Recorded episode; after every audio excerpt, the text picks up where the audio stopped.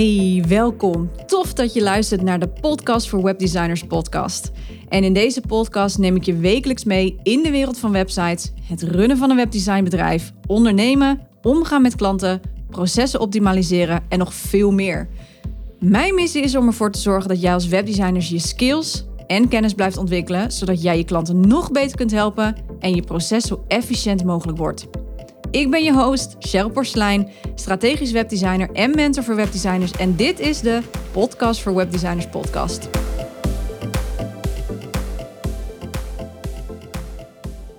Hey, welkom bij deze summer special van de Podcast voor Webdesigners. En in deze komende weken van de zomervakantie neem ik je mee stap voor stap in mijn webdesign process methode, die ik heb ontwikkeld speciaal voor mijn projecten, maar ook voor de opleiding voor webdesigners. En vandaag ga ik je meenemen in die research fase. En deze fase is echt een van de allerbelangrijkste fases, al dan niet de belangrijkste fase in een project. Want zonder je research kun je gewoon geen goed op maat gemaakte website maken. En daar ben ik na 13 jaar echt heilig van overtuigd. Daar was ik al eerder van overtuigd, maar ik weet het gewoon al die tijd al 100% zeker.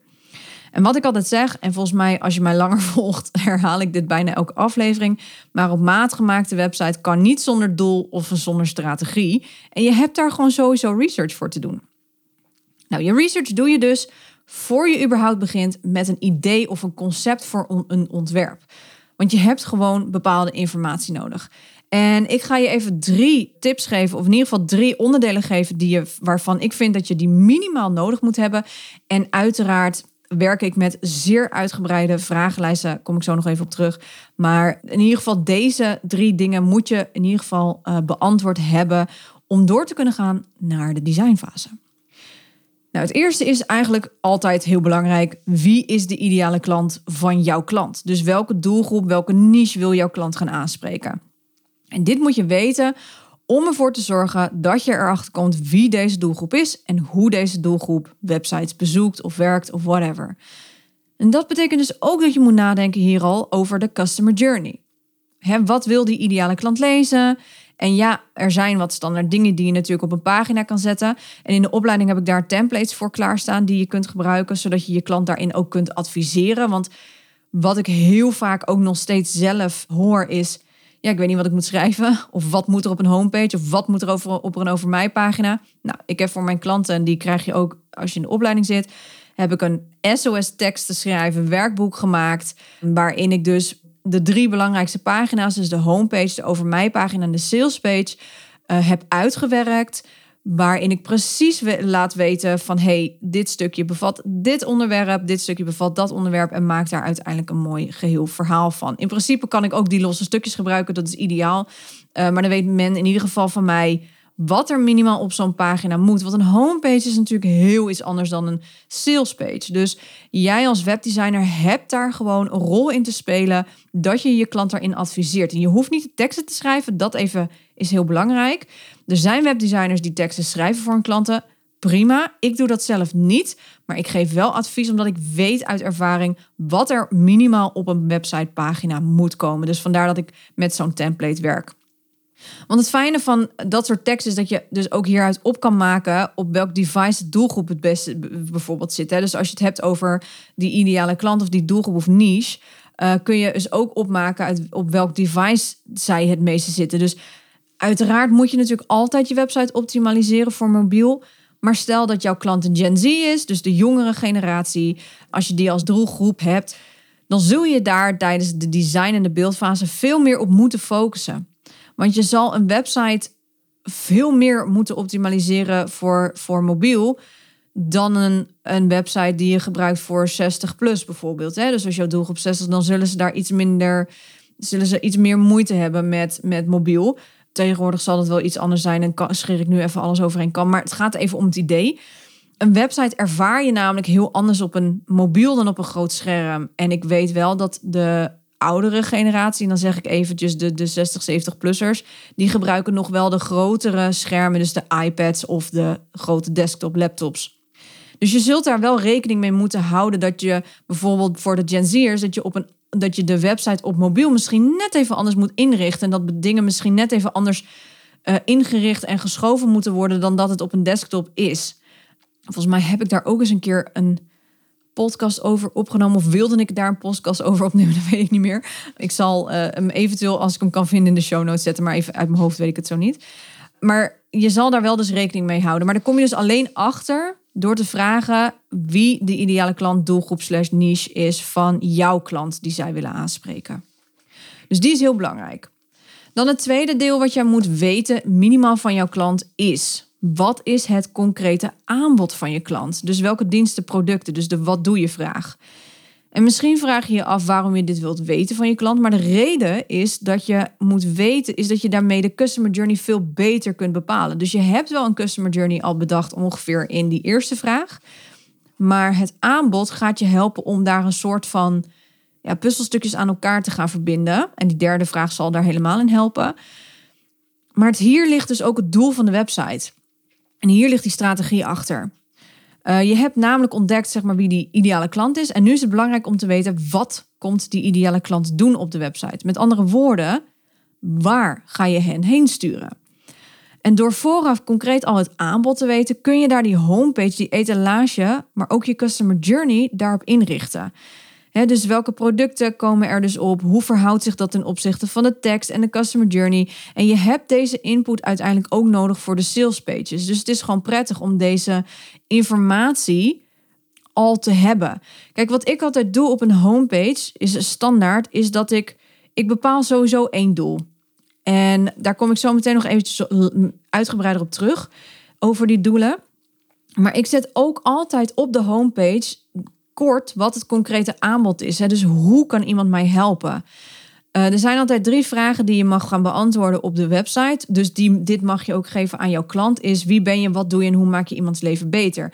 En er zit een bepaalde volgorde in, in het opbouwen van een pagina, waardoor het logisch is dat als men bij jou op de website komt, dat ze zien van hé, hey, deze persoon snapt waar ik doorheen ga, deze persoon ziet wat ik bedoel en deze persoon heeft deze en deze oplossing voor mijn probleem. Dus dat concrete aanbod, die plaats je als een soort etalage op de homepage, zodat men alvast kan zien welke problemen er worden opgelost bij jouw klant. Dus die is heel erg belangrijk. En we vergeten dit vaak om te vragen, omdat uh, we zoiets hebben van, ja, maar uh, dan wordt het zoveel op de homepage. Ja, maar de, de homepage mag je echt gaan zien als een etalage en niet als een salespage. En daar zit het grote verschil in. Maar je hebt dat wel nodig, zodat je dus ook een goede homepage kan opbouwen. Nou, dan dat derde deel, dus het derde onderdeel wat jij in ieder geval minimaal moet weten, is wat is het allerbelangrijkste dus wat iemand op die website moet gaan doen. Met andere woorden, wat is het doel? En hier komt het strategische stukje om de hoek kijken. dit vond ik altijd het meest leuke. Naast het design vind ik de strategische kant altijd ontzettend interessant van een website. Maar al die informatie die je nu al hebt verzameld. En nogmaals, dit is echt een heel klein stukje van wat ik normaal gesproken vraag. Maar anders worden deze podcasts echt drie uur lang. En dan ben je me echt aan het eind van de dag helemaal zat. dus vandaar dat ik het even verkort. Maar in ieder geval, de informatie die je dus nu hebt verzameld. Dus de doelgroep, uh, dus het concrete aanbod. Ga je nu dus bepalen, oké, wat is dus het doel van de website? Dus hoe ga je dat dus verwerken in een design straks? Niet nu, straks. Dus ik zeg oké, wacht nog even met designen. Je hebt nu dit stukje van de puzzel nodig om door te kunnen gaan dus naar dat strategische design. Je hebt nu namelijk overzicht, als het goed is. Maar nu is het belangrijk dat je dit gaat terugbrengen naar strategische keuzes. En hier ga je met je klant bekijken, oké, wat is nu precies het doel van de website? En misschien denk jij, ja, maar dat is toch logisch, het verkopen van het aanbod? Ja, als het zo simpel was, had je deze podcast niet geluisterd. ik zou er even op terugkomen. Ik werk dus altijd met één hoofddoel en één subdoel. Waarom? 98% van de bezoekers van een website vertrekken namelijk weer van de website zonder een aankoop te doen. Dat is iets wat menselijk is. Dus dat ligt niet persoonlijk, dat is iets menselijks. Dat betekent dus dat als het doel is om iets te verkopen via je website en je hebt geen webshop, want daar ligt wel een groot verschil in, en men kent jou nog niet zo heel erg goed, want ook daarin zit een customer journey stukje, dan zul je dus van, van enorme goede huizen komen om dat percentage laag te krijgen. Of je moet zodanig veel bezoekers per maand gaan, gaan trekken dat je die 2% dat dat uiteindelijk net zo hoog is, bewijzen van als die 98% die weggaat. Dus dat, en dat zijn natuurlijk, kijk, voor, voor een Amazon is dat, is dat prima. En voor een bol.com ook. Maar er gaan ook nog steeds heel veel mensen die gaan alleen maar kijken. Uh, en die gaan dan weer weg zonder aankoop te doen. Maar voor ondernemers met een marketingwebsite is dat natuurlijk niet, ja, bijna niet te doen. Dan moet je echt gewoon 10, 20, 30, 40, 50.000 bezoekers hebben per maand of per week. Om die 2% om dat, daar iets uit te kunnen halen. Dus dat zijn natuurlijk voor kleine ondernemers zijn dat onmogelijke cijfers. En daarom zeg ik ook, het is niet persoonlijk. Het is gewoon hoe wij mensen een website gebruiken. En dat heeft ook alles te maken met of wij iemand al een beetje kennen of niet. We hebben meerdere contactmomenten nodig om mensen te gaan vertrouwen. En uiteindelijk, na die meerdere contactmomenten, zal iemand je gaan vertrouwen en zal iemand iets gaan aankopen. Maar er kan soms even overheen gaan. Dus stel daar ook in je verwachtingen bij voor jezelf en voor jou als webdesigner natuurlijk. Daarom is het belangrijk, omdat dus die 98% weggaat, dat je naast je hoofddoel, zoals verkoop bijvoorbeeld, ook een subdoel hebt. Want je kan daarmee de bezoekers die dus nog niet klaar zijn voor om te kopen, een andere ingang laten inslaan om kennis met je te maken. Dus stel, het hoofddoel is verkoop, dan kies, kies dan voor een subdoel, zoals een, uh, een e-book laten downloaden of een andere gratis weggever mensen zijn dus nog niet bereid om te investeren, maar iets gratis waarmee ze dus jou wat meer en jouw oplossing wat meer kunnen leren kennen, daar zijn de meeste mensen wel voor in. Want gratis, we zijn Nederlanders of Belgen, ik weet niet hoe, hoe dat precies in België zit, maar volgens mij gratis is gratis en maakt allemaal niet zoveel uit. Belangrijk natuurlijk wel is dat jouw weggever natuurlijk wel aansluit op dat wat jij ook aanbiedt als oplossing. Maar daarmee kun je wel een andere ingang creëren voor iemand die nu nog niet klaar is om iets te kopen. En je kan iemand een funnel insturen natuurlijk. Nou ja, daar moet je even voor jezelf kijken. Is dat wat? Ik gebruik dat zelf niet. Maar je kan wel een weggever maken en dan vervolgens gewoon persoonlijk mailen. He, daar zit ook, dus ook een funnel natuurlijk. Maar daar zit iets meer effort in. Dus kijk daarin vooral even wat er voor jou belangrijk is. Maar het is veel makkelijker om iemand natuurlijk iets gratis te laten downloaden dan meteen een aankoop te doen. En afhankelijk van hoe duur een product is, maar alles van wat boven de 500 à 1000 euro is, zullen mensen niet zomaar zonder pardon op jouw website gaan kopen. Tenzij ze daar echt per specifiek voor met een doel komen en jou dus kennen en vertrouwen hebben. Je kunt hier natuurlijk van alles kiezen hè, met die doelen. Je, denkt, je kan ook denken aan gewoon dat je je website kunt gaan inzetten voor een e-maillijst opbouwen. Nou, verkoop natuurlijk. Maar je kan ook denken aan intakegesprekken laten boeken direct in je agenda, et cetera. Maar het belangrijke hierbij is dat je dus één hoofddoel en één subdoel kiest. En alles wat daar dus niet mee te maken heeft, wordt tertiair en zullen minder moeten opvallen, zodat de hoofddoel en de subdoel wel het aandacht krijgen. Ik ga in de, in de volgende aflevering, in de design aflevering, ga ik daar iets meer op in van hoe ik daar naar kijk, design-wise betreft. Dus of ik kan zien bijvoorbeeld op die website, hey, hebben zij een hoofddoel, subdoel en tertiaire doelen? Uh, of tertiaire, uh, hoe zeg je dat? nou ja, dingen waar ze dus ook wel dat wel belangrijk is dat het op de homepage staat, maar niet het hoofddoel of het subdoel is. Um, daar, ga ik daar ga ik alles over delen in, in de volgende aflevering. Maar al deze informatie, hè, dus dat doel, de ideale klant en het aanbod, dat neem je mee dus naar de designfase. Al deze informatie. En kijk daarin nogmaals ook naar wat je zelf nodig hebt om door te kunnen gaan met het ontwerpen. Denk aan misschien is er al wel een huisstijl of niet. En als je herontwerpt zoals ik, ik ben gespecialiseerd in herontwerp. Dus dan kijk ik ook bijvoorbeeld naar de huidige website. Uh, en check ik van hey, wat gaat daar minder goed en wat mogen we juist meer in de spotlight zetten. En dat neem ik ook weer mee in het nieuwe design natuurlijk, want dat gaat mij heel erg helpen. De research fase. Zorg dat je in deze fase ook alle teksten en foto's hebt ontvangen, zodat je meteen kunt doorpakken. Dus dit is eigenlijk. In deze fase werk ik ook met, met, met vragenlijsten, met die, met die kick-off. En er zit nog veel meer in. Uh, maar nogmaals, omwille van de tijd wil ik het een beetje kort houden. Maar ik, ik zorg in ieder geval voor dat ik heel veel informatie heb alvorens ik überhaupt ga designen. En het fijne van zo'n research fase, voordat ik überhaupt het design of ga bouwen, uh, die fases inga, is dat ik de klant meeneem in dat proces. En die urgency om die vragenlijsten bijvoorbeeld in te vullen, dat geeft ze ook meteen die urgency om teksten aan te leveren, want ze zijn dan toch al bezig met dit proces. Dus waarom niet meteen ook die teksten en die foto's even meesturen? En ik zeg ook altijd in deze fase van, hey, ik moet dan en dan alles hebben. Ik regel een Dropbox-account eh, voor ze, of een map bedoel ik. En daar kan je alles in plompen, zodat je niet 6000 dingen hoeft te mailen. Hoeven ze alleen maar dingen up te loaden en klaar. Dus ook daarin ga even kijken voor jezelf wat je fijn vindt. Je kan ook zeggen, hey, maak even een WeTransfer en stuur dat allemaal naar mij door. Dan sla ik het zelf op is helemaal aan jou natuurlijk, hè, hoe jij werkt. Dat, dat, er is geen goed of fout in. Maar kijk vooral hoe je dat zo efficiënt mogelijk kan maken, dat proces voor je klant. Maar omdat ze toch al bezig zijn met ook die researchfase en ik ze in die researchfase betrek, mijn klanten, zeg ik ook al, zijn ze eigenlijk al bezig met, oh ja, ik ga ook even die teksten doen. Die stuur ik meteen naar je op. Ik heb hier nog wel wat foto's van een iedere fotoshoot. Moet nog een keertje een nieuwe foto's laten maken. Maar hey, dan heb je in ieder geval alvast wat. En het fijne daarvan is, is dat ik dan meteen door kan gaan naar de designfase als ik dat allemaal binnen heb. Dat zorgt voor minder vertraging. En zij vinden het ook gewoon leuk. Het is ook voor, voor klanten is het fijn om in dat proces betrokken te raken. Zodat ze ook die urgency voelen om daadwerkelijk met die website teksten aan de slag te gaan. Dus daarin is het ook heel fijn om die researchfase al voor je nog überhaupt een website aanraakt te hebben, zodat je met je klant meer ruimte en tijd gaat inplannen voor het aanleveren van teksten en fotomateriaal en ander eventueel materiaal wat er nodig is voor op de website. Alright. Je merkt misschien wel, het was even heel stil, ik moest even nadenken.